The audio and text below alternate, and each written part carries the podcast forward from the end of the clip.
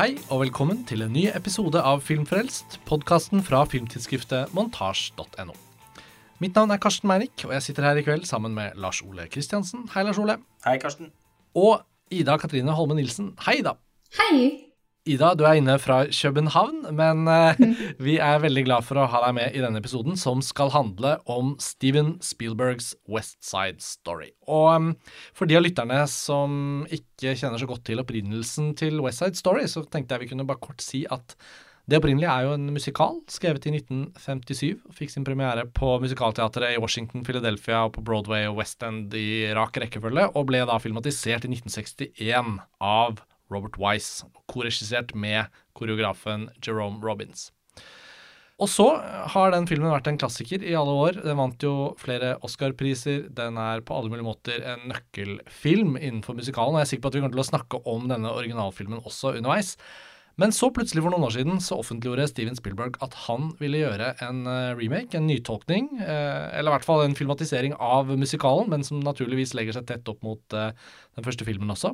Og Lars Ole, da Spielberg offentliggjorde det, så var det mange som påpekte at det ville bli hans første ordentlige musikal, men det var også mange som ble litt bekymret kanskje over at han skulle gjøre noe som føltes litt uoriginalt, ettersom West Side Story har stått der som en påle eh, siden 1961. Um, så de to tingene der er litt sånn utgangspunktet før man ser denne filmen. og Nå har vi alle sett den, så jeg tenker det er kanskje naturlig å starte litt på, på det, og, og, se litt på hva det var vi egentlig regnet med at Steven Spielberg kunne tilføre, utover å bare tilføre å være verdens beste regissør, da, som pleier å hjelpe. Eh, Lars Ole, ja. var du bekymret da Spielberg eh, skulle plutselig i gang med West Side Story? Nei, altså jeg tenkte vel kanskje at det var litt skuffende at når Spielberg da skulle debutere som musikalregissør, ikke gjorde det med et originalskrevet verk, eller i det minste med en musikal som ikke tidligere hadde blitt filmatisert. Og så har heller ikke Robert Wise sin West Side Story vært noen sånn personlig favoritt for mitt uh, vedkommende. Så det var ikke sånn at jeg uh, tenkte at det, det, var helt nødvendig at den uh, skulle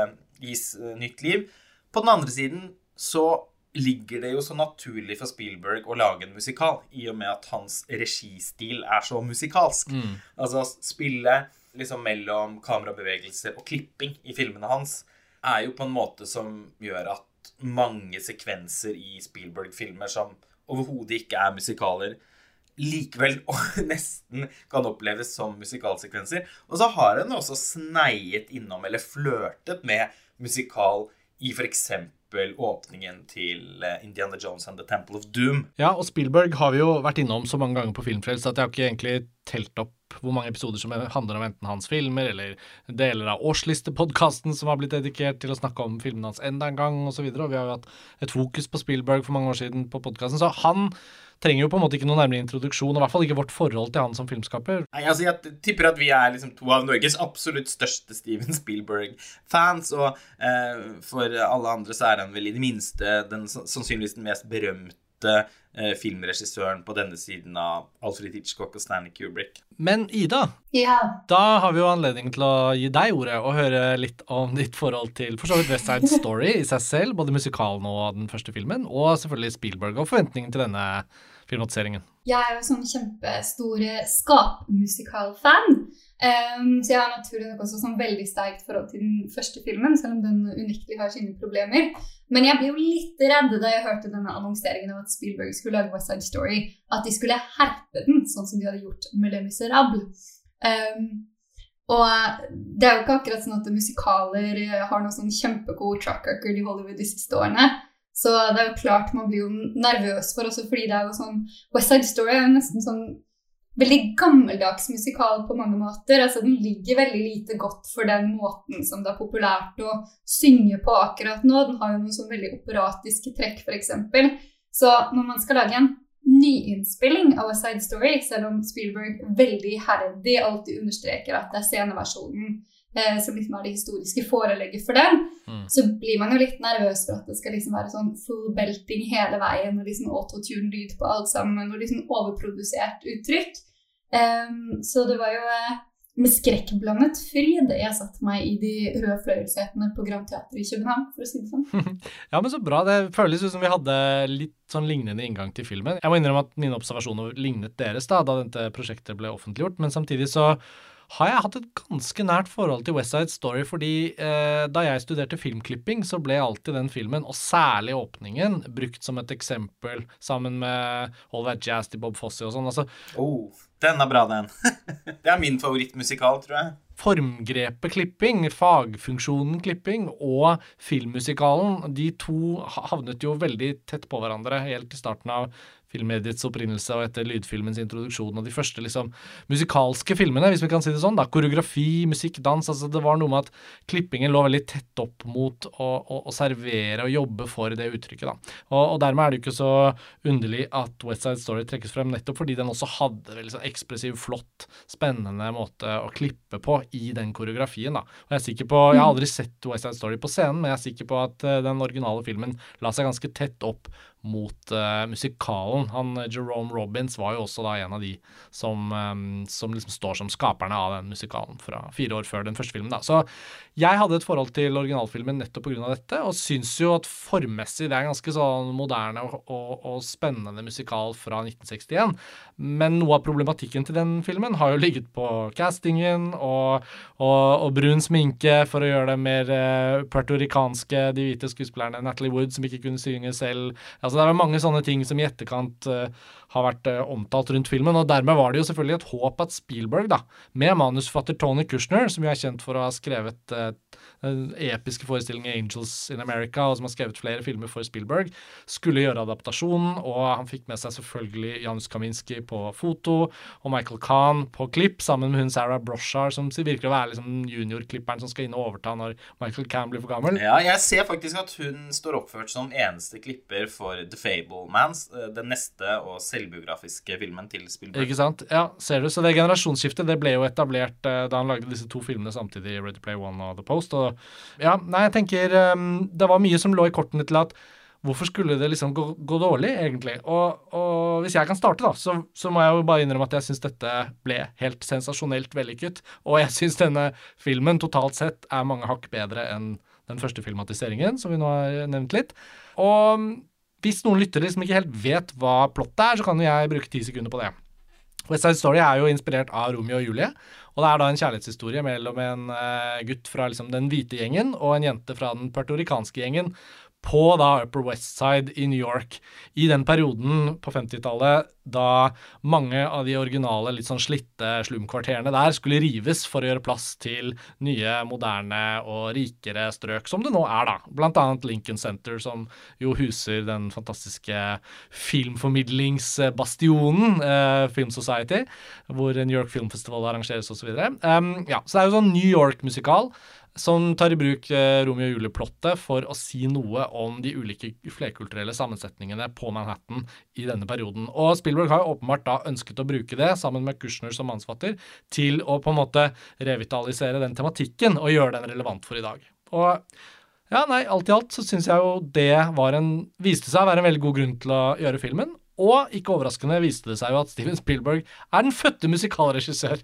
ja, altså, jeg tenker at uh, verdensmesterskapet i klassisk Hollywood-filmskaping for i år, det er herved avsluttet. For det er ingen som er på en måte flinkere til å lage film enn Steven Spielberg når han er eh, på sitt beste. Eh, og det er han her. Og eh, som jeg har presisert så mange ganger på podkasten tidligere, så ble jeg jo oppriktig bekymret for Spielbergs sene karriere der et sted etter München fra 2005, fordi da hadde han hatt en helt utrolig fase med Saving Private Ryan, AI, Minority Report, Catch Me If You Can. Jo da, også The Terminal, faktisk en litt undervurdert film. Klodenes kamp og München. En remse med filleristende filmer, da. Minus The Terminal, som fortsatt er god. Og så var det ti litt vanskelige år der, rett og slett, med Indiana Jones og ja, Krystallhodeskallenes rike, er det vel den heter. Ja. Som var en skuffelse på, på mange nivåer.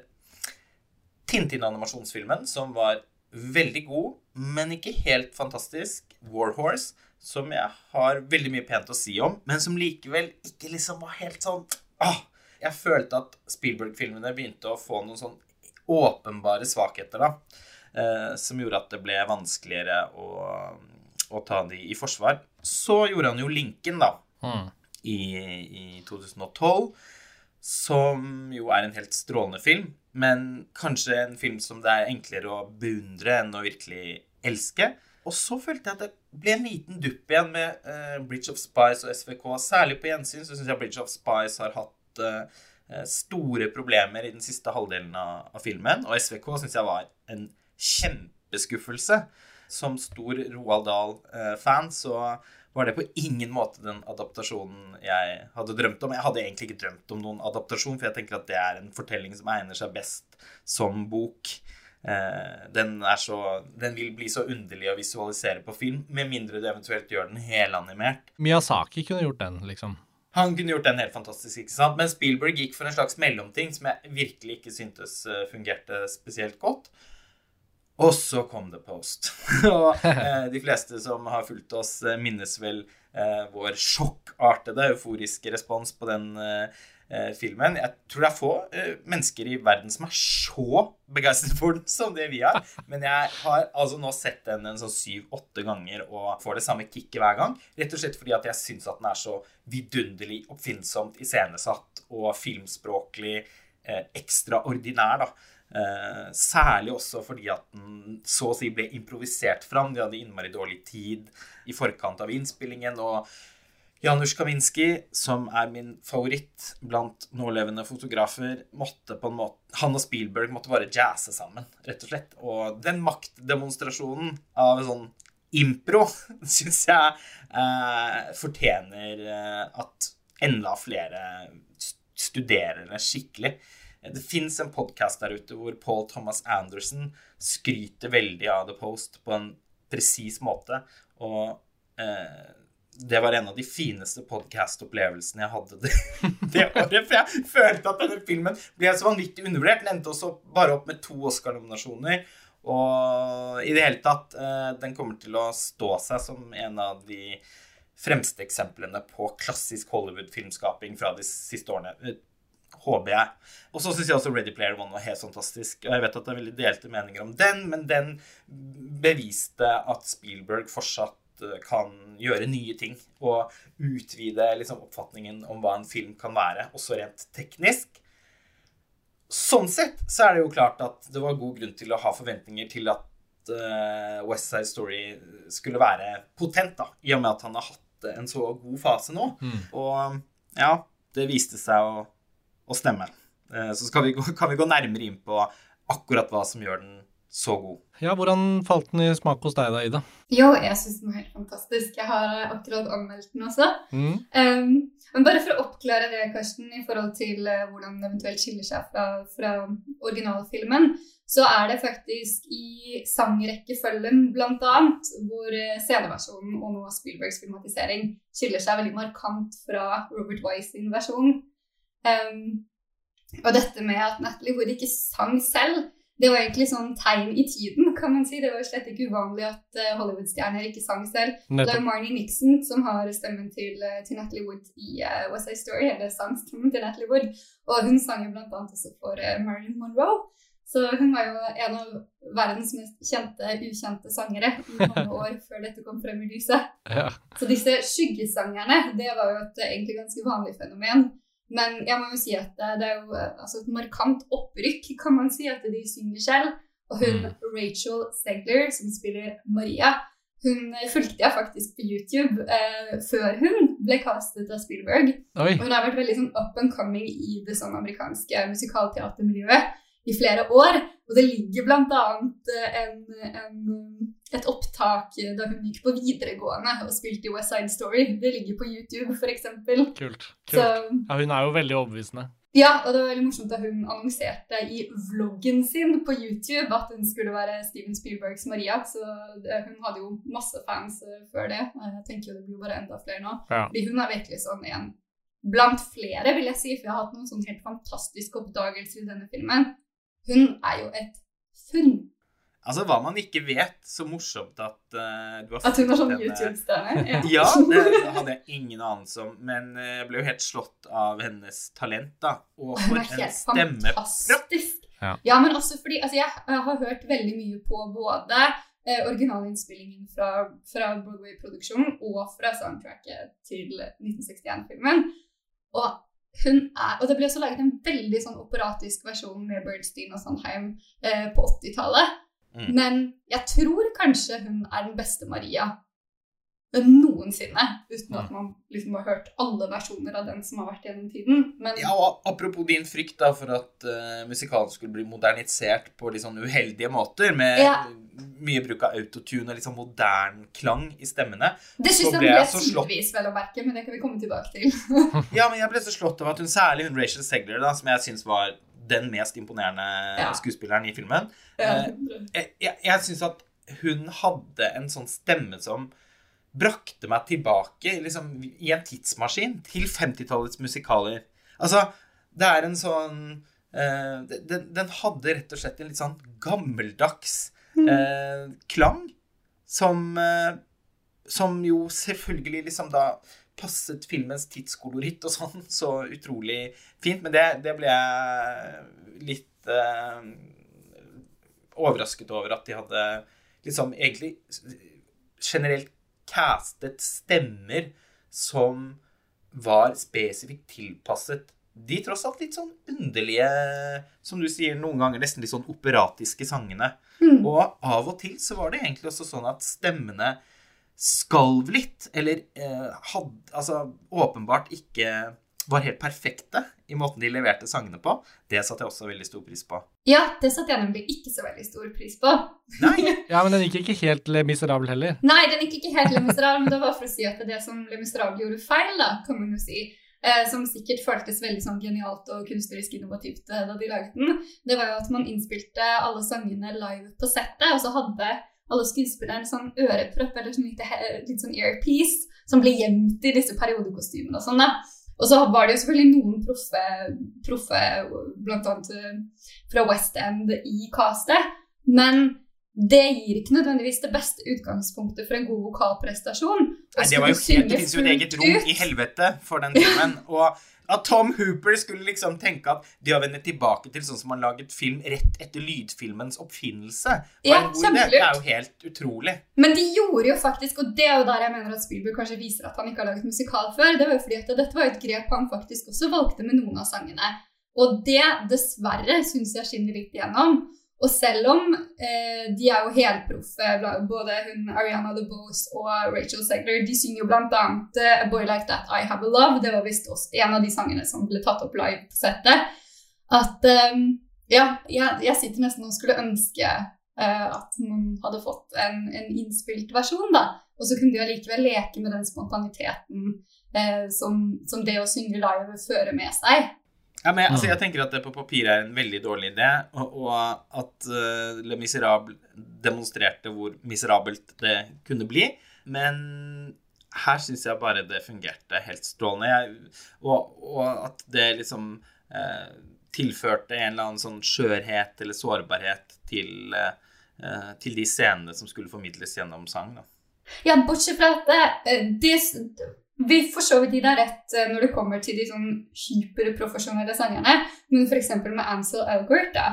eh, Så tok jeg meg selv og ble litt sånn halvnervøs for om han, om han klarte det. Fordi han hadde den helt klart mest ruskete Altså, jeg syns han har en veldig. Altså, han har en veldig eh, Stemmen hans er jo veldig godt cast for Tony. Veldig. Og kled, altså, den hadde også veldig tydelig sånn 50-tallsfeeling, syns jeg. Ja, 100. Men altså, han hadde jo det, Jeg, var jo, jeg syns det skurret litt for mye for min smak innimellom. Fordi han liksom skulle være litt sånn Akkurat som han prøvde å rocke den til litt. Og jeg ble litt sånn Nei, nei, nei. Og da er det kanskje jeg som er sånn klassisist eh, på det. Men bare for å si det, da, eh, i forhold til det du sa om å kaste, kaste stemmer Mm. En av de tingene som jeg faktisk syns var noe av det beste med filmen, og som, som i tillegg til de vi kan komme tilbake til det også, magiske kostymene, noe av det liksom mest visuelt interessante i filmen, det er jo at Spielberg har et helt sinnssykt talent for å kaste typer som bare passer inn i den settingen eller det universet som han skal lage, og som, som gir noe helt unikt visuelt til bildet. Sånn som han Mike Fice, som Ja, det er spiller han Riff. som spiller Riff. Ja, jeg måtte, te- jeg, første jeg tenkte på, var Riff. Jeg er forelsket. Altså, han må få Oscar-nominasjon. Kom igjen. Ja, det, er, det vil jeg bare si at det er yndlingsoppdaget Nå føler jeg ikke at jeg har oppdaget Rachel Segler gjennom denne filmen. Du. Men han er min Det var han som var den originale uh, Dear Evan Hansen på Broadway. Uh, så han er fra Broadway, hvis dere unnskyld meg, på dansingen. Og det kan vi også komme tilbake til. Dette er jo, jeg er jo eh, stor eh, dansefan og ballettfan, men han eh, er kanskje min yndlingsoppdagelse fra film i år.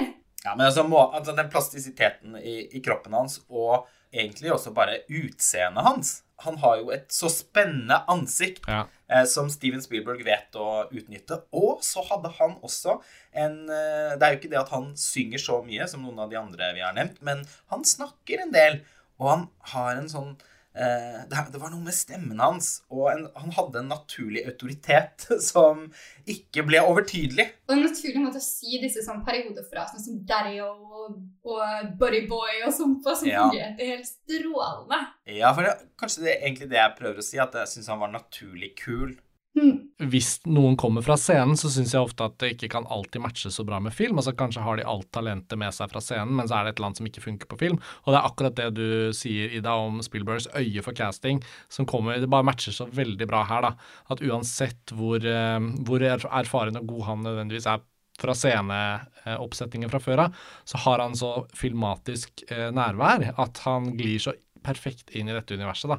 Og ja, Jeg er bare enig med alt det dere sa. Og jeg tenkte også på eh, underveis som de forskjellige rollefigurene liksom tråkket inn i filmlerretet i starten der, så, så syns jeg liksom én etter én var store oppdagelser, og det føltes veldig sånn befriende å innse hvor ukjente ansikter det var, da, i hvert fall for meg. Så denne nye filmatiseringen har jo, med unntak av en og annen birollefigur som kanskje ikke skal danse og synge, men som bare leverer noen replikker, så var det jo et helt blankt lerret i forhold til casting. Og det syns jeg var også så bra for filmen. da, At ikke det kom en sånn Altså, all ære til Zendaya og Ariana Grande og andre popartister som, som, eh, som er mye på film, men um, jeg syns eh, det var veldig stor lettelse at denne filmen fungerte så godt uten en sånn type kjendiscasting. da. Altså Den som på en måte er mest kjent fra før, er jo da nødvendigvis Ansel Elgort, ikke minst for rollen sin i eh, den ekstremt populære, om enn helt forferdelige The Faults in Our Stars. Nå trodde jeg du skulle si Baby Driver, men passer på begge filmene.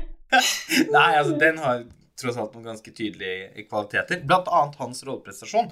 Og det er jo en film som bruker musikk som en dynamisk del av sin historiefortelling. Og måten han på en måte er i dialog med musikken på i Baby Driver, er jo egentlig et frampek mot at han kan være en musikalstjerne. Og et, siden den gang så har han jo blitt cancelled. Og eh, nå er det jo mange som lurer på om eh, det at han spiller en av de to hovedrollene har forårsaket at filmen gjør det så dårlig, eller i alle fall skuffende på kino. Og i det hele tatt så eh, virker det som at det er en slags bommert at han ble, ble castet eh, som eh, Tony. Men eh, det må jeg bare si at det syns jeg er noe ordentlig tull, fordi han gjør jo en ja, Og han har fått veldig mye kritikk også fra amerikanske anmeldere og sånn, som eh, hakker veldig på han, men løfter alle de andre skuespillerne og liksom gjør det nesten sånn karikert at han eh, liksom på ingen måte er filmen verdig. Og det, jeg klarte ikke å se det. Jeg syns han var kjempebra. Ja, jeg syns han fungerte i hvert fall helt fint. Jeg syns på en måte at det var jo åpenbart Men det har litt med Tony-figuren nå. Han er jo ikke den mest spennende figuren i dette universet. Sånn at jeg mener mm. Det er nesten litt sånn perfekt at Ansel Elgort er castet, for han er liksom verken en skuespiller som tar enormt mye plass, eller en som er for ukarismatisk til å liksom forsvinne helt. Men det er jo Anita, kanskje, særlig, og Maria, fordi hun Rachel Zegler er så fantastisk. Da. Men det er de to eh, damene som på en måte tross alt det er liksom most valuable players her, da.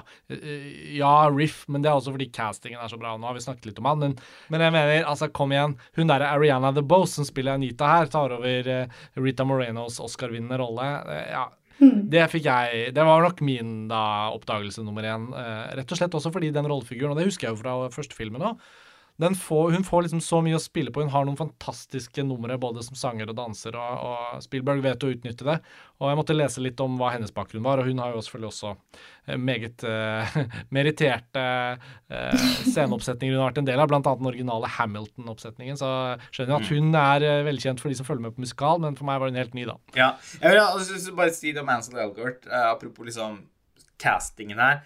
at hans utseende er, ligger veldig tett opp mot datidens skjønnhetsidealer. Altså han ser for meg ut veldig som en sånn eh, Ja, som en som ville vært et idol på, på 50-tallet. Ja, stemmer det.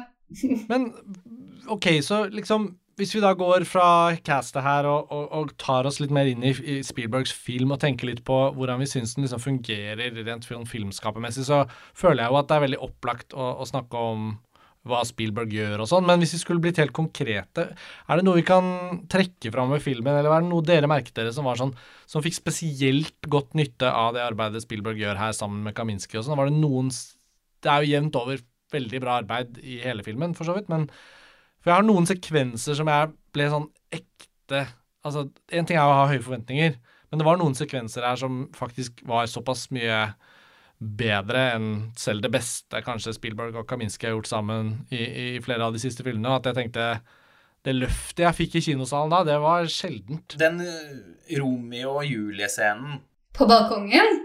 ja, den kunne i en eh, stussligere filmskapers hender vært liksom innbegrepet på en klisjé. Mm.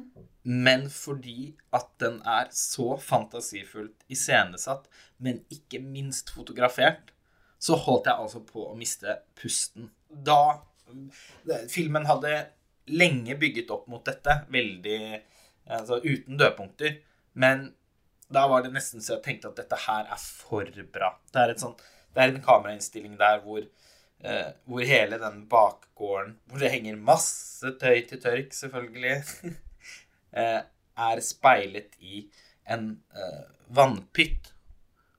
Og så skrur kameraet opp mot Tony, som da liksom bades av lyset fra vannpytten. Ja, den scenen var meget eh, bra i det perspektivet du sier, men det var ikke den jeg tenkte på, da.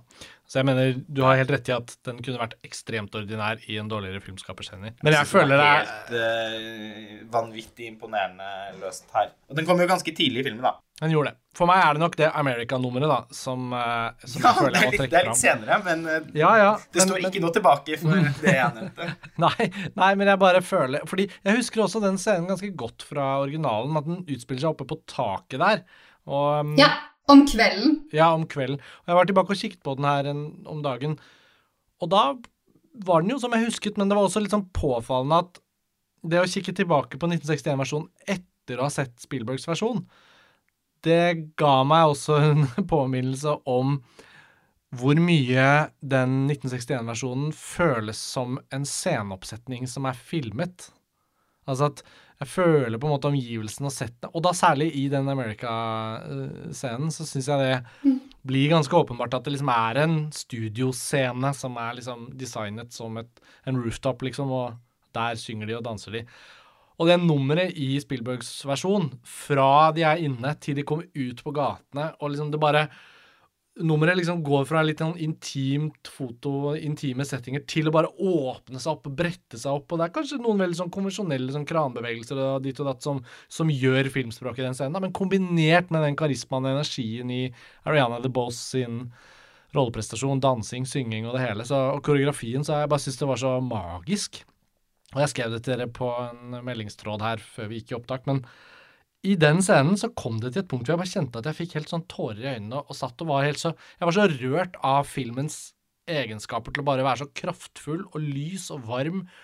Og utenfor er det november eller desember, og det er grått og kjipt uten Altså, nå er det jo nedstengning i tillegg, så jeg bare følte Filmen ble akkurat en sånn virkelighetsflukt i ordets absolutt rette forstand, da. Så, så for deg så ble det en stor skuffelse at filmen egentlig ble innmari deprimerende. Ja, hva skjedde med den slutten? Nei, er det én ting jeg visste da jeg gikk til den filmen, så er det jo i hvert fall en tragisk Ja, ja. Det går jo ikke, det går ikke bra. Nei. Men det er en, virkelig en stråle av, av, eh, av, av lys inn i filmen. Den helt utrolig virtuose sekvensen som du Ja, men så først å si noe liksom eh, Jeg holdt på å si imot det du sier nå, Karsten. Så jeg Ja. synes også den Jeg også den Jeg lurte jo på hvordan man skulle gjøre America på nytt. For Mm. den er jo så ekstremt både cool og, og America er jo sånn ekstremt ikoniske. Så jeg er helt enig, og jeg syns spesielt dansingen var helt magisk i den sekvensen. Mm. Men jeg syns poenget i eh, Og nå er det bare for å si at den 61-versjonen skiller seg faktisk ganske, ganske skarpt fra sceneversjonen av samme nummer. Ja. Men eh, Så for meg så føles den ikke så filmet sceneversjon, men jeg syns poenget i America-sangen kommer bedre fram i 61-versjonen og drukner i litt sånn kjempeensemblenummer i Spielbergs versjon. Eh, Det er jo bare fordi man har hørt den så mange ganger og kjenner den så godt at, eh, at ja, at det blir eh, at Jeg syns det blir tydeligere, kommer tydeligere fram og er kanskje mer kontroversielt da, i, i 61-versjonen enn hos Spielberg. Ja. Ja, ja, det her tenkte jeg ikke på, men eh, det er sikkert, stemmer sikkert det. Altså at, den, at eh, virtuositeten nesten tar litt sånn overhånd i, i, i Spielberg-versjonen. Jeg, jeg må innrømme, jeg satt ikke der og var så veldig opptatt av, av Eller jeg føler jeg vet jo hva sangen handler om, og det er veldig sånn klare, poengterte tekstlinjer og hele den der battlingen eh, frem og tilbake. Det er veldig vanskelig å ikke bare tenke på iscenesettelsen. men når iscenesettelsen blir så magisk, så, så ja, altså, kjenner jeg at jeg følger ikke helt med på teksten. på en måte Og på den pressevisningen jeg var på, så var heller ikke filmen tekstet. Før den plutselig var det, og så var den ikke tekstet. Så det var noe feil med tekstingen. Det gjorde jo ingenting, men jeg har også lest i etterkant at Spielberg har gjort et poeng ut at de spanske replikkene ikke skal tekstes. I hvert fall ikke i Amerika, da. Nei, men det blir ikke tekstet her heller. Jeg så den på kino. Ja, men det, er, det blir jo bare rart, fordi eh, Spielberg sin idé i utgangspunktet er jo god, men når man eh, her eh, til lands velger å utelukkende tekste den engelske dialogen, men ikke den spanske, så blir det jo helt feil, fordi spansk er jo ikke vårt andre språk. Så det gjør jo bare at det de sier, liksom ikke er av betydning. Jeg vet Ja, det, det som Poenget for, til Spielberg var jo, var jo at man liksom ikke skulle uh, illudere at, uh, at den spanske, spansktalende befolkningen ikke var målgruppen. Eh, problemet er bare og Ved å liksom oversette det til engelsk Problemet er bare at når man ikke bor i et engelsktalende land, så forsvinner det poenget litt. Mm. Og det ble jo klaget Nå så jeg denne på en sånn formiddagsvisning hvor det alltid bare er veldig meg og masse andre gamle damer. Og de har jo, har jo sånn en tendens til du vet, å snakke med full snakkestemme på kino, gjerne gjennom hele filmen, som kan være litt sånn ekstra laga av hver fremdung i hva enn man ser.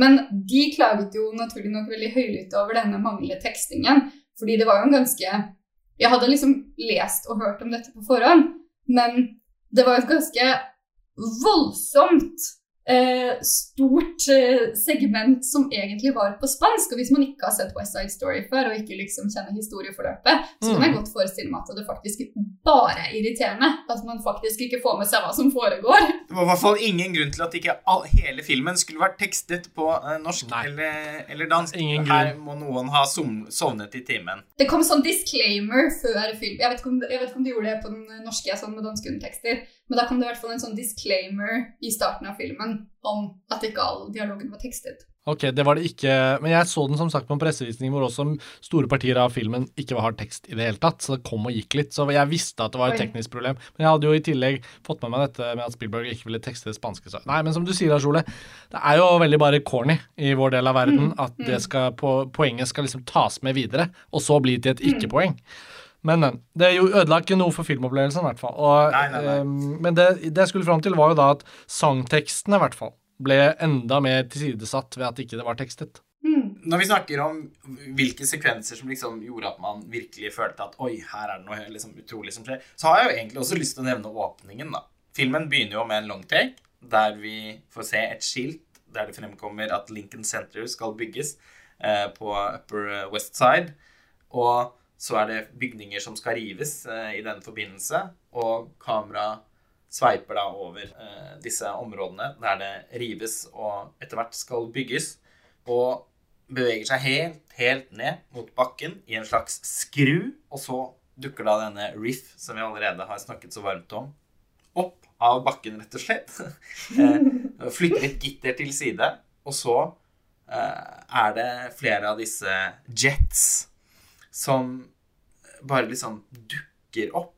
Mange av de bærer på malingsspann, og så er det som om Spielberg med en gang, egentlig, lager musikal. Fordi lydene, klirringen av spannene, måten de beveger seg på, er dans til liksom lyd. og han holder det ganske lenge før det liksom Eh, det er ikke sånn eh, Filmen introduseres ikke med et eh, Ja, et musikalnummer. Og det syns jeg var eh, Eller i hvert fall ikke et konvensjonelt musikalnummer. Det syns jeg var veldig kult. Men det er jo holdt jeg på å si, veldig i tråd med 1961-versjonen. Og en av grunnene til at jeg syns det er litt sånn vanskelig å ta seriøst når Steven Spielberg i nesten hvert intervju han gjør om filmen, nesten påstår at han ikke er inspirert av den i det hele tatt. Um, Ja, for det er ikke så lenge siden jeg så åpningen på den, faktisk. I forbindelse med at jeg leste Karsten sin artikkel om åpningen på montasje. Og Ja. det er klart at her er det noen påfallende likheter, men jeg må si at jeg syns at Spielberg eh, nok gjør dette på en eh, enda mer sånn filmatisk spennende måte, da. Jeg syns, jeg syns 61-versjonen eh, trumfer den eh, kunstnerisk. Men det handler også om hvordan han introduserer dansen på. Altså, Jeg kan godt forestille meg, hvis man ikke er sånn eh, eh, ballettinteressert som undertegnede, at eh, den type dansestil Uh, Og Jerome Robbins kommer også fra ballettverdenen, fra New York City Ballet. At det kan være litt sånn fremmedgjørende element i seg selv. Og at man er ganske sånn rask på ballen, uh, bokstavelig talt, for de befinner seg bl.a. på basketballbane med å sånn introdusere denne formen for dansestil.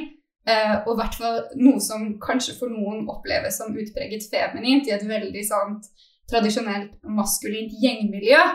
Det er jo kanskje noe av yndlingstingene mine eh, på musikalfilm i det hele tatt noensinne. Og det synes jeg det ble ikke like tydelig i Spielbergs versjon. Nei, jeg må si jeg er litt enig med Ida. at Jeg syns syns ikke åpningen var det som var mest tydelig overgått i Spielbergs versjon versus den forrige. Altså, men det handler jo litt om at, som jeg sa, denne åpningen har jeg sett veldig mye. Og den forholdt jeg meg til i undervisning, og den har jeg skrevet en, eh, en liten tekst om på montasje og sånn, så jeg, jeg syns jo det den gjør, er utrolig bra eh, på sin måte. Ja, ja, ja. ja. Nei, altså Det var egentlig ikke ment som en sånn eh, å sette de opp mot hverandre. Jeg bare syntes at kameraarbeidet til Kaminski og måten Spielberg brukte lyd på i den sekvensen, var så utrolig bra. Ja, og det jeg skulle si var vel egentlig det at jeg ble litt lettet av at Spielberg ikke hadde lagt seg så tett at det var en slags sånn remake av den åpningen. Det er jo veldig mange lignende elementer, åpenbart, fordi det kommer fra det samme, men at de har den inngangen til det eh, Kaminski og Spielberg som skiller de filmene litt fra hverandre, det, det fungerte veldig godt. Og så må vi også huske at en del av åpningen på 1961-versjonen er jo også tittelsekvensen med de fantastiske grafiske elementene til Soul Bass, som setter tonen som er så utrolig moderne og kult gjort. Og eh, Spielberg eh, hopper jo over en sånn eh, åpningstittelsekvens av den virtuositeten. Da. Ja, Det gjør han klokt i, tenker jeg. Det gjør han klokt i, det tenkte jeg også. Men denne åpningen som jeg, bes som jeg beskrev, den flyter jo på en måte også bare av gårde videre som, eh, ja, som het lava, egentlig. Fordi den utvikler seg jo til å bli en slags sånn ja, nesten sånn Tintin-aktig sekvens. Ja. Apropos animasjonsfilmen til Spielberg, som jeg nevnte tidligere i podkasten. Eh, hvor Ja, men det er en sånn, eh, en sånn sekvens der Spielberg bare liksom holder hendene foran øynene og regisserer med venstre hånd og sier hey, look what I can do. Hvor det er så mange ideer i spill at jeg bare begynner å le av å se det. Men jeg syns også at de fugleperspektivbildene i 1961-versjonen gir veldig mye til filmen. da. At den etablerer litt sånn nabolaget og kontrastene mellom de forskjellige delene av New York. liksom fra fra liksom fly over Empire State Building, hvis ikke jeg husker feil, og liksom flere av de andre stedene i Midtown, før den liksom kommer frem til Upper West Side, og så liksom klipper seg ned der til basketbanen og sånn. Og det har sin, det har sin fordel, da, fordi det blir på en måte Klippingen blir veldig mer sånn ekspressivt rytmisk, mens uh, her er det jo liksom flyten i kameraet til Kaminski i Spielbergs versjon. Ja, her er det jo så, stort sett veldig lange tagninger. Nettopp. Og det er liksom en annen inngang, og derfor tenker jeg de kan stå fint ved siden av hverandre. Det var egentlig det jeg skulle frem til. Ja, ja, ja. ja. Nei, det er jeg helt eh, enig i. Men jeg, jeg bare eh, Sånn hva, Når vi snakker om det å liksom se en ny Spielberg-film og få følelsen av at han er i storform, så skjedde det veldig umiddelbart. I hvert fall for mitt Ja. vedkommende. Ja, det gjorde det. Jeg fikk følelsen av at han leker. Og det er alltid da han er på sitt beste. Men bare for å supplere det du sier, Lars Ole, med, med bruk av lyd, så en, en ting som jeg heftet meg veldig med, som var sånn jeg fikk helt frysninger på ryggen, og var liksom trist over at vi ikke fikk se den igjen i en enda, enda mer storslått versjon, det er når T-banen på et tidspunkt kommer inn, når de skal, når de skal ta T-banen, eh, Tony og Marie, eh, Maria så hviner T-banen de første tonene av 'Somewhere'. Ja. Og jeg det var sånn Ja, det var elegant. Hvis jeg skal komme med eh, en innvending mot filmen, så er det faktisk valget om å gi den Somewhere-sangen til Valentina. Rita Marino. Ja. Ja. For det første så syns jeg ikke Rita Moreno i en alder av jeg vet ikke, noen og 80 per i dag var noen Barbara Strayson. Og den sangen er så vakker at den fortjener Og, og, og den har jo på en måte vært en slags et, et, et omdreiningspunkt, egentlig, for eh, kjærlighetshistorien mellom Tony og Maria. Og jeg syns det var litt uheldig at det forsvant eh, ut av deres dialog og ble liksom plassert i munnen på eh, Rita Moreno bare for at hun skal få en, en Oscar-nominasjon. Det syns jeg var unødvendig. Men bare for å rettferdiggjøre det valget litt, da er jeg helt enig med deg. Så i sceneversjonen som jo Spielberg hevder å være så fryktelig, eh, ligge så fryktelig tett oppe, så blir den heller ikke sunget av Tony Marie. Er det sant? Ja, den blir sunget av en sanger offstage, og så går det Altså, det er et ballettnummer som er, som er skåret vekk fra denne filmen også. Um, den blir skåret, uh, hvor den blir sunget offstage og er sammen med et ballettnummer. Jeg regner med at det er kuttet fordi verken Ansel Elgort eller Rachel Sigler er noe særlig store ballettdansere. Men uh, så sånn sett er det ikke et så rart valg. Altså, man har egentlig ikke tatt den fra Tony Maria. Man har bare gitt den til Rita Moreno istedenfor denne offstage-sangeren som finnes i sceneversjonen. Men det virker jo som at noe av det de ønsker å gjøre med denne hun som driver denne butikken, da, som Rita Moreno spiller. Fordi jeg husker jo ikke Hvordan var det, hvordan var det stedet egentlig skildret i originalfilmen, eh, Ida? Det var han litt eldre, han eh, eldre mannen. Nettopp. Også i den nye versjonen så har de liksom funnet Dette er jo et sånt klassisk påfunn. Så har de jo, for å få inn eh, Rita Moreno, så har de jo eh, skrevet om sånn at Rita Moreno spiller Docs enke, Valentina. Nettopp. Så hun er en ny karakter, men fyller den funksjonen som Doc hadde, da. Ja. Og dermed tenker jeg jo at noe av grunnen til å gi henne sangen handler jo også litt om å tror jeg i hvert fall da, binde henne som en sånn annen generasjon uh, av den samme problemstillingen, av den eh, kjærligheten på tvers av uh, Ikke sant? At, at det forankres i nabolagets fortid, på en måte. Og dermed tenker jeg at hvis hun ikke hadde hatt ett nummer som forankret henne til selve fortellingen, så ville det vært veldig påklistret og rart. Jeg tenker at det egentlig er en god uh, idé, men at uh, den karakteren for meg ikke helt liksom slo ut i full blomst. Kanskje egentlig da på grunn av hennes rolleprestasjon. At jeg syns hun av og til var litt sånn Shani Berlin på en dårlig dag. Ja, jeg ble faktisk ikke så imponert uh, av henne. Det er rørende at hun har blitt tildelt en rolle i den nye filmen, men eh, jeg syns ikke eh, Ja. Nei. Nei. Jeg, jeg, jeg er helt enig i at det er sånn grep som de har blitt litt sånn forelsket i selv. eh, som, ikke, som ikke nødvendigvis fungerer så godt Ja, altså Jeg føler meg ikke forpliktet til å si at jeg syns hun er fantastisk bare fordi at hun er gammel. Nei, nei men, det, altså, men jeg mener at det er et sånt grep som de har funnet på, som de sikkert er veldig altså, det, Eller det vet jeg ut ifra sånn Ja, ja, hun kommer til å få Oscar-nominasjon og kanskje vinne til og med, ikke sant? Fordi det er sånn den prisen fungerer. Men det er jo kanskje her hvor altså, Spielberg også viser sin uerfarenhet, erfarenhet, som vi var inne på i starten, med å spille inn ting live på sett og sånn, da. Fordi da kom jo Rita Marino tydeligvis inn med en forkjølelse, og dette var en av sangene som ble spilt inn live på settet. Hvor Spielberg mente at det ga den så mye som sjel og nerve at han ikke ville etterinnspille den. Ja. Når du var det- frisk. der Og jeg tenker sånn han, Der eh, tok du feil! Der tok han feil.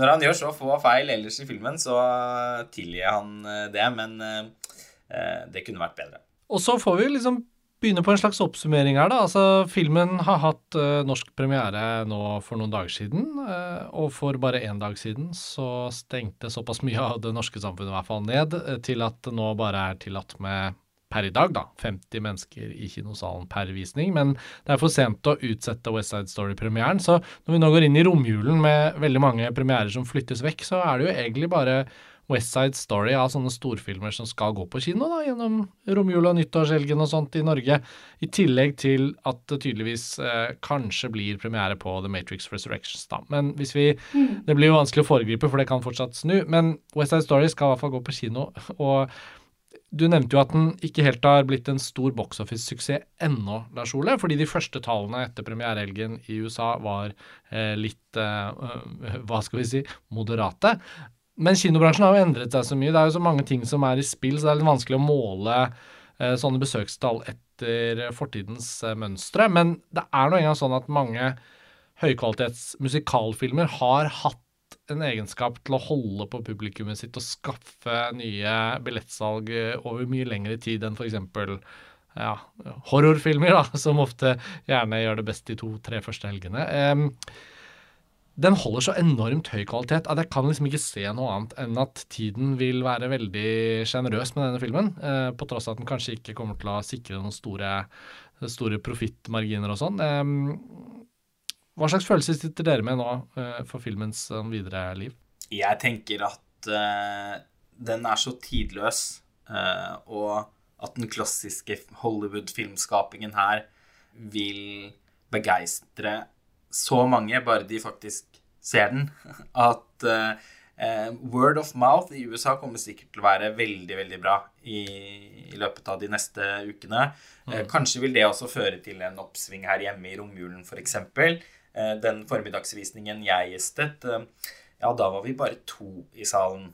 Mm. Så det er klart eh, Det kan hende det rett og slett er litt lukrativt for West Side Story at det nå blir en slags semi-lockdown som innebærer at veldig mange andre filmer som skulle hatt premierer i romjulen, utsettes. Og den vil jo sannsynligvis få liksom 10-12 Oscar-nominasjoner. Og det vil jo også nødvendigvis gjør at mange som følger med, vil eh, føle seg litt sånn forpliktet til å få sett den for å kunne mene noe om den eh, innen prisene skal deles ut. Mm. Og så gjenstår det å se hvilke priser den eventuelt da kommer til å vinne. Jeg tenker at i kategoriene for produksjonsdesign og kostyme mm -hmm. så vil den nok bli vanskelig å slå det hadde vært gøy om eh, en av skuespillerne mottok noe, bortsett fra Rita Moreno. Eh, men eh, det tror jeg kanskje ikke kommer til å skje. Men jeg tror det blir flere nominasjoner her. Steven Spielberg kommer til å sikre seg sin første reginominasjon siden Lincoln. Det er jo vel mer eller mindre bestemt at det er Jane Campen som skal vinne den prisen i år for den svært overvurderte filmen 'The Power of the Dog'. Jeg syns det er mange kvaliteter i den filmen, men jeg kan bare ikke fatte og begripe at den blir vurdert eh, så høyt i absolutt alle kategorier. Janusz Kaminski burde ha en helt liksom alvorlig talt ha en mulighet til å kunne sikre seg sin tredje pris eh, for beste foto.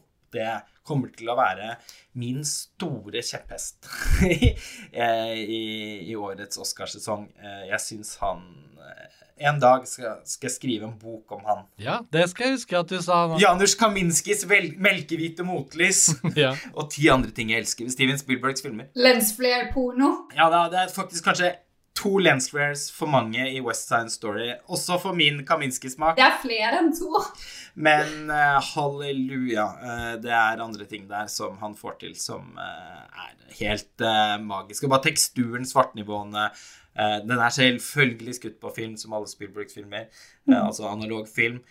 Den eneste som sikkert vil kunne måle seg her, er vel Licorice Pizza da, til uh, Paul Thomas Anderson. Den ser også bare visuelt sett helt uh, vidunderlig ut. Men det er klart at det Kaminski gjør sånn kameraarbeidmessig, er uh, spesielt uh, avansert, da. Men Ida, vi fikk jo vi, Først nå kom jeg på at vi ikke hadde kommet inn på kostymene underveis. ja, det er litt kritisk, akkurat i den her. Og jeg vet jo at du har mye å fortelle som ikke vi har øye for eller får med oss. Kan ikke du i hvert fall nå som vi nærmer oss slutten, ettersom vi snart har snakket i en time, så kunne det jo vært fint nå da, hvert fall, å, å få høre litt hva du tenker om arbeidet med kostymene her. Ja, det er jo denne Paul Taswell som uh, har laget kostymene. Han har jo erfaring fra både eh, danse- og sceneverden. Og det kommer jo godt med i, i, denne filmen, kan man si. For jeg tenker Det er avgjørende med en sånn film som West Side Story, som er så visuelt avhengig av bevegelse, å ha en kostymedesigner som forstår seg på nettopp dette, i tillegg til å konstruere en periodesilhuett. fordi motsatt 1961-versjonen så er jo dette en periodefilm. og i en av scenene her så befinner vi oss på eh, varemagasinet Gimbals, eh, mm. hvor Marie i, jobber som rengjøringskone, og ikke i brudebutikk, som i, i originalfilmen. Og jeg holdt på å få sånn en, en bitte liten kostymeorgasme i løpet av den scenen. Fordi fy søren de har, altså Jeg samler på vintage selv og har eh, ganske mye erfaring med å håndtere disse plaggene eh, fysisk.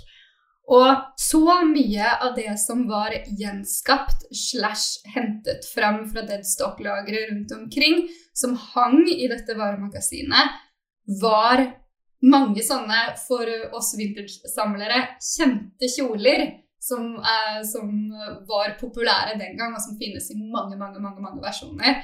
Altså bare den bare den referanserammen for å kunne gjøre det, i tillegg til å skape periodesilhuetter som Og jeg går jo kledd uh, i vintage selv, jeg kan bare bekrefte at det er ikke alltid noe man kan bevege seg i. Skape periodesilhuetter som både fungerer som kostyme i en periode og som dansekostymer, det krever et geni. Mm. Og jeg tror det er noe, altså, noe, av den beste kostymeringen jeg har sett. Selv om den jo selvfølgelig er skrudd opp noen hakk og har et liksom hint av technicolor i måten man bruker farge på, så er det kanskje noe av det mest magiske sånn periodekostymerelatert jeg har sett på veldig, veldig lenge. Um, og jeg tør jo nesten påstå at han må ha jobbet ganske tett med koreografen Justin Peck. som Bare for å nevne det fordi vi nevnte Jerome Robins. Mm. Så Justin Peck er jo utdannet på School of American Ballet, og den eneste måten å komme inn i det prestisjetunge kompaniet New York City Ballet på, det er gjennom nettopp denne skolen.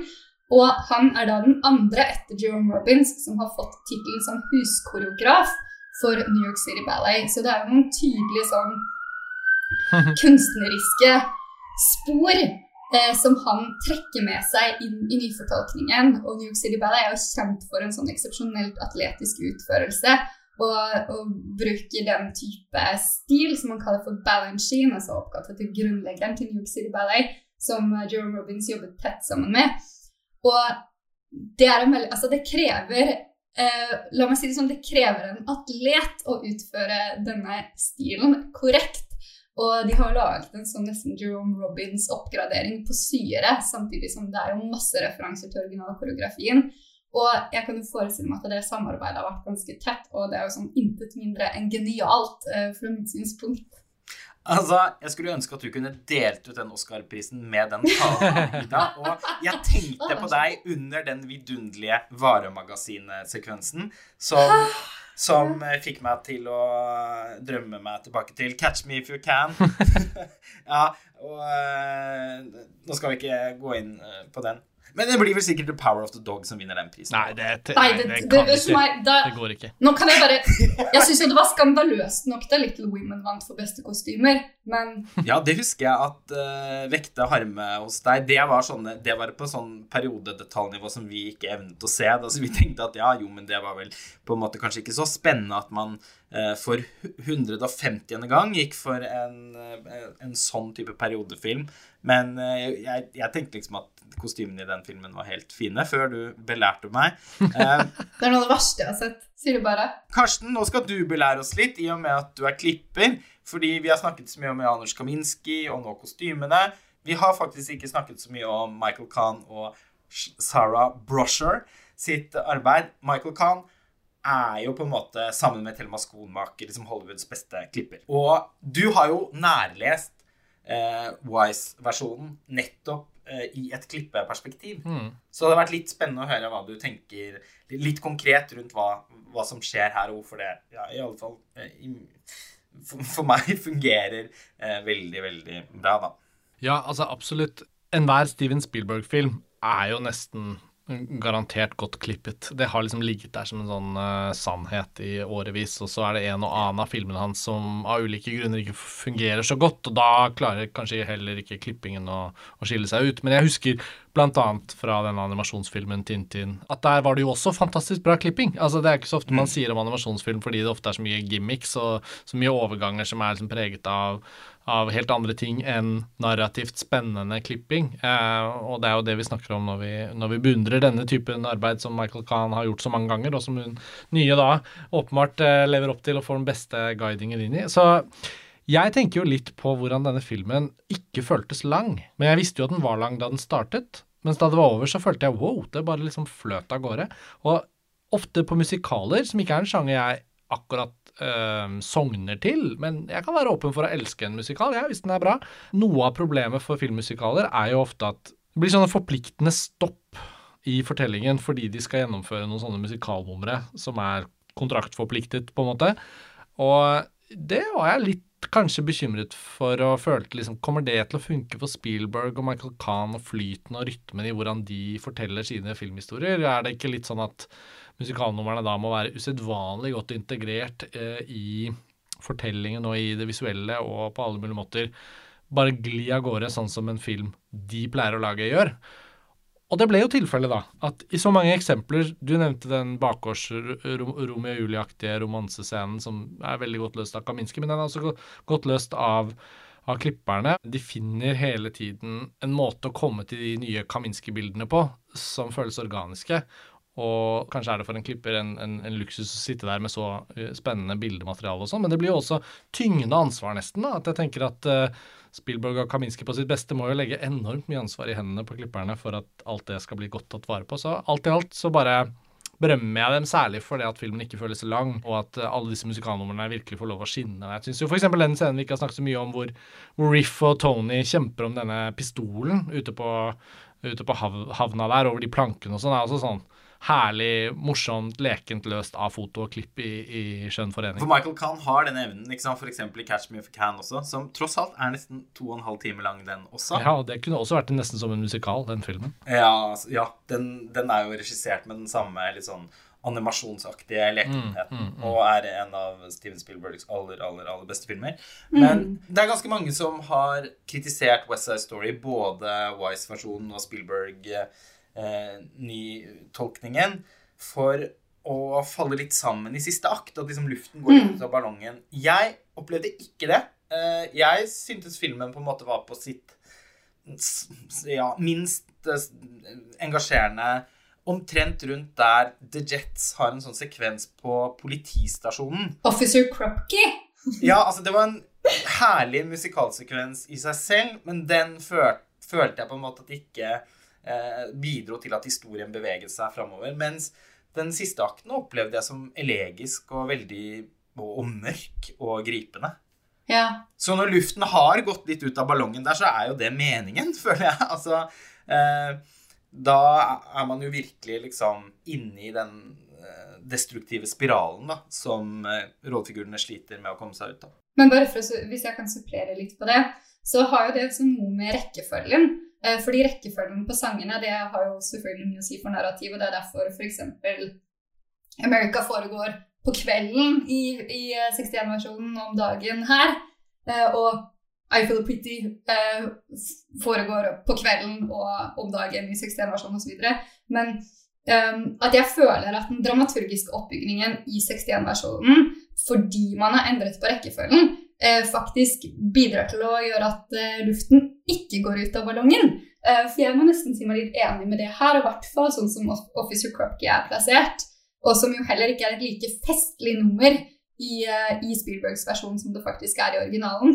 Og det er jo litt takket være at noen av disse Jets-aktørene eh, de har litt den syngestilen som jeg var litt bekymret for innledningsvis. Det var kanskje mitt minst favorittnummer, nettopp fordi det får det til å klappe sammen både pga. hvordan den er løst på politistasjonen, og hvordan den er gjennomført. Ja, Kunne den kanskje egentlig vært klippet ut? Altså Måtte vi hatt den scenen der? Jeg vet ikke. Jeg tror den er litt obligatorisk. Men altså bare for å si en annen ting som, som kan gjøre at denne filmen føles litt eh, flat, mot slutten kanskje spesielt, det, jo, det var en ting som jeg reagerte på, som jeg har hørt veldig mye på alle soundtrackene i det siste det er jo at orkestreringen i den nye versjonen er litt sånn lettere og mer liflig i uh, den nye utgaven. Um, det er akkurat som det nesten mangler en blåserekke som kan være med å gi et sånt slags muff, uh, som er mer til stede i både Eh, innspillingen av sceneversjonen og av 61-versjonen. Spesielt i uh, Dance at the Gym, dessverre, som egentlig er et veldig sånn forrykende nummer. Men det var da stadig vekk forrykende. Det er for, for, øvrig også en av mine absolutte favorittscener i filmen. Ja, men det kunne vært Jeg satt og savnet den siste blåserekken. Også i America, og i dansesekvensen i det revolvernummeret som du snakker om, som jo foregår i en sånn garasje i 61-versjonen, nemlig Cool. Men det er i denne Tonight-kvintetten, som jo egentlig fungerer som et slags crescendo i filmen, der har man valgt å skru Altså Der, er det jo, der ligger jo en sånn måte å si, understemme av Jets og Sharks-gjengen. Og så ligger Tony Maria og Anita oppå i sine egne stemmer. Og da har man valgt å skru de veldig opp. Og så mister du på en måte det sånn dype eh, Den fungerer litt sånn på samme måte som One Day Warrior, da, f.eks. i Le Miserable. Men altså, du mister det crescendo fordi man liksom insisterer på å gjøre det mer jazzy. Uh, og det, det, var litt synd, for det skal ta yndlingsnumrene mine i sånn West Side Story generelt. Og det er kanskje der at man opplever at det klapper litt sammen. Altså, nå er jeg redd vi på en måte må, må, begynne å oppsummere og avslutte, men nå føler jeg jo at vi setter i gang med den ene spennende tråden etter den andre. Da, og det, det er vel ingen tvil om at skapningen West Side Story, da, helt tilbake til eh, Steven Sondheim og Leonard Bernstein og Jerome Robins og Arthur Lawrence altså det at de gikk til Romeo og Julie da, og så til et sånt klassisk drama og prøvde å si noe om hva som utspilte seg i New York den gangen, og så ble det filmatisert 61. Viktig filmmusikal som var med å skape en innflytelsesrik trend innenfor filmmusikaler. Kanskje bringe oss litt ut av den mer gammeldagse tonen over i noe litt mer moderne.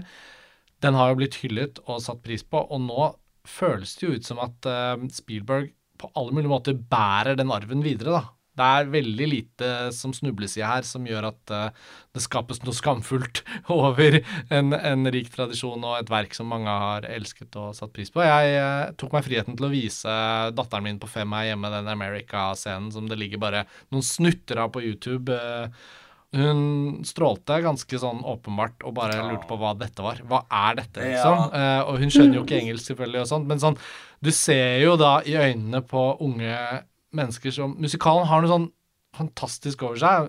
Musikk, dans, selvfølgelig uansett, men å se hvordan nye generasjoner bare umiddelbart responderer på noe sånt, det gir jo også litt sånn håp om at Spielberg har kanskje hjulpet den klassiske fortellingen vi har sett i West Side Story i ulike eh, inkarnasjoner, hjulpet den videre med denne nye versjonen. Så, og alle de som er opptatt av eh, representasjon og diversity og sånn, har jo også fått veldig eh, fin, uproblematisk casting omsider da, mm. i denne versjonen. Og det vil sikkert også bety kanskje mest i Amerika, selvfølgelig, men, men det er fint å se, tror jeg, for, for alle. Så nei, vi kan jo oppsummere litt der. Er det noen gjenstående ting dere føler vi burde få sagt før vi avslutter? Bare for å si én ting, så, så, kan jeg kanskje forestille meg at den manglende box office-responsen kanskje handler litt om at det er veldig mange som har liksom si, dystre fordommer mot musikaler, og som og at den virker litt gammeldags, og at man mm. Jeg hører liksom vanligste innvendinger folk har mot musikaler, at det er urealistisk, samtidig som de trykker play på sånn Game of Thrones-maraton. Det er en helt annen historie. Men at uh, dette er liksom fordi den er så umodernisert, da, og det er noe som blir kritisert for i visse kretser så er det kanskje en film som, som, mange føler er irrelevant, og som ikke er noe for dem. Og så går de glipp av liksom dette superfengende, fargerike, elektriske universet. Ja, og tematisk sett er den jo minst like relevant nå som den var Absolutt. på 50- og 60-tallet. Men innpakningen kan kanskje, kan kanskje føles uh, irrelevant for noen, selv om den ikke er det i praksis. Så det er det å kunne overbevise folk om at eh, det her er eh, Ja, det er bare å la seg Bare sitt stille og la deg rive med. Den gikk vel ikke av som en bombe, den In the Heights eh, heller. Jeg syntes den så så uutholdelig ut at jeg holdt meg langt unna. Men så du den, Ida? Nei, jeg gjorde faktisk ikke det. Den er jo på HBO Max nå, så det er jo ikke noe vanskelig å få sett den. Nå, altså, fordi jeg tenker jo at uh, i og med at vi skal få oversikt over det filmåret vi snart er ferdig med. Nettopp. Jeg skulle til å si det. så blir det jo relevant å se den, men jeg klarte ikke å slepe meg til kinoen for å se noe jeg med traileren som utgangspunkt tenkte at jeg kom til å avsky. Men det rare med den var jo at den hadde jo premiere på starten av sommeren da vi akkurat kom ut av forrige nedstengning og kinoene så vidt hadde åpnet, og det var liksom veldig sånn Hva er det man skal gå og se på kino? Hva er det første man drar og ser på kino i sommer, på en måte? Mm. Og det ble jo på en måte ikke den. Um, det er jo hans første musikal, Linn Manuel Miranda, som jo da gjorde Hamilton noen år senere, og som nå ja. er uh, også aktuell med en musikalfilm som er hans regidebut, rett på Netflix, som heter Tick Tick Boom. Tick, tick, boom. Ja, som får veldig god mottakelse. Jeg må innrømme at jeg er mer nysgjerrig på å se Tick Tick Boom enn Ja, enn. In The Heights av de to. Men jeg Altså, innser etter å at ha hørt også Brett Easton Ellis sin dekonstruksjon av In the Heights på podkasten hans, Ja. så, så uh, er det vanskelig å tenke at det er mulig å ikke mene det samme. Jeg er for så vidt ikke uenig, men jeg, jeg anser begge de to da som ganske sånne relevante filmer å få sett i anledning oversikten klart, over filmåret 2021. Ikke minst da fordi West Side Story til Spielberg har på en måte brakt musikalen tilbake inn i hjertene våre med full kraft. Og da kjenner jeg også at sjangermessig er jeg litt mer nysgjerrig på da å se et par til av 2021-musikalene. Og da utmerker disse to her, da, som vi nå nevner seg. Så um, da har vi også trukket inn de to nå her på slutten av denne episoden. Det, altså, den filmen til Saya er vel også å regne for en musikal, er den ikke det? Oi da. Hoi. Music var det bare den het. Og den har jo fått uh, verre mottakelse i enn noen av de andre som uh, vi har uh, snakket om. Ja, du har rett. Eh, Og den har vel delvis også blitt liksom kansellert på bakgrunn av eh, måten den fremstiller autisme på, og at hun castet en, eh, en uerfaren skuespiller, eh, skråstrek danser, til å gi liv til, eh, til, til en autistisk rollefigur på en måte som ble veldig uheldig. Men eh, hun, danseren, skuespilleren der, er jo også i West Side Story. Det er morsomt. Det la ikke jeg merke til. Altså hun som er kjent fra denne Chandelier-videoen. Ja, ja, topp. Nå, eh, jeg, jeg så dukket opp eh, Det var et eller annet, en av de sakene i forkant eh, av filmen som, eh, hvor det framkom, da. Som gjorde at jeg tenkte Oi, så gøy.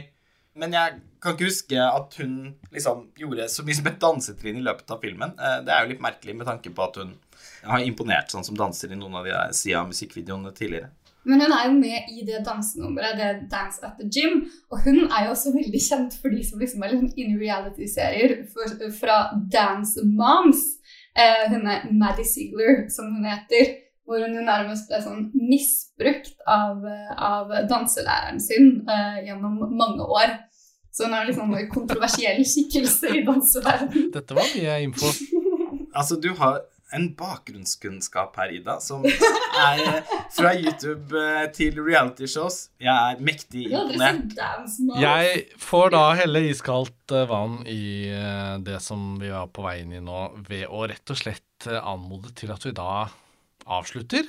Fordi eh, vi har jo virkelig fått snakket oss gjennom Spielbergs West Side Story, så det er det ingen tvil om. Men jeg tror også rett og slett at vi, vi må oppsummere. Men eh, Lars Ole og Ida, det er jo litt sørgelig at vi nå eh, hyller denne filmen som folk burde løpe av gårde på kino og se i en periode hvor i hvert fall i Norge eh, det kanskje ikke er så mange som er klare for å gå på kino når ting stenges ned på den måten. Kinoene er jo åpne, og filmen kommer til å da bli vist gjennom hele romjulen og nyttårshelgen og sånn. Samtidig så blir vi jo selvfølgelig oppfordret til å ha minst mulig sosial kontakt med andre mennesker, så det, det får jo bli opp til hver enkelt å avgjøre. Men West Side Story er i hvert fall en varm anbefaling, om noen nå skulle være i tvil. Men um, Ida, det var veldig fint å ha deg tilbake på podkasten. Det er vi glad for. Vi vet det kommer nye episoder med deg som gjest eh, veldig snart. Eh, Lars Ole, vi høres jo veldig snart igjen. Takk til alle sammen som hører på. Og hvis dere hører på den akkurat idet dere er på vei til å ta juleferie, så kan vi si god jul. God jul. God jul. Ha det bra.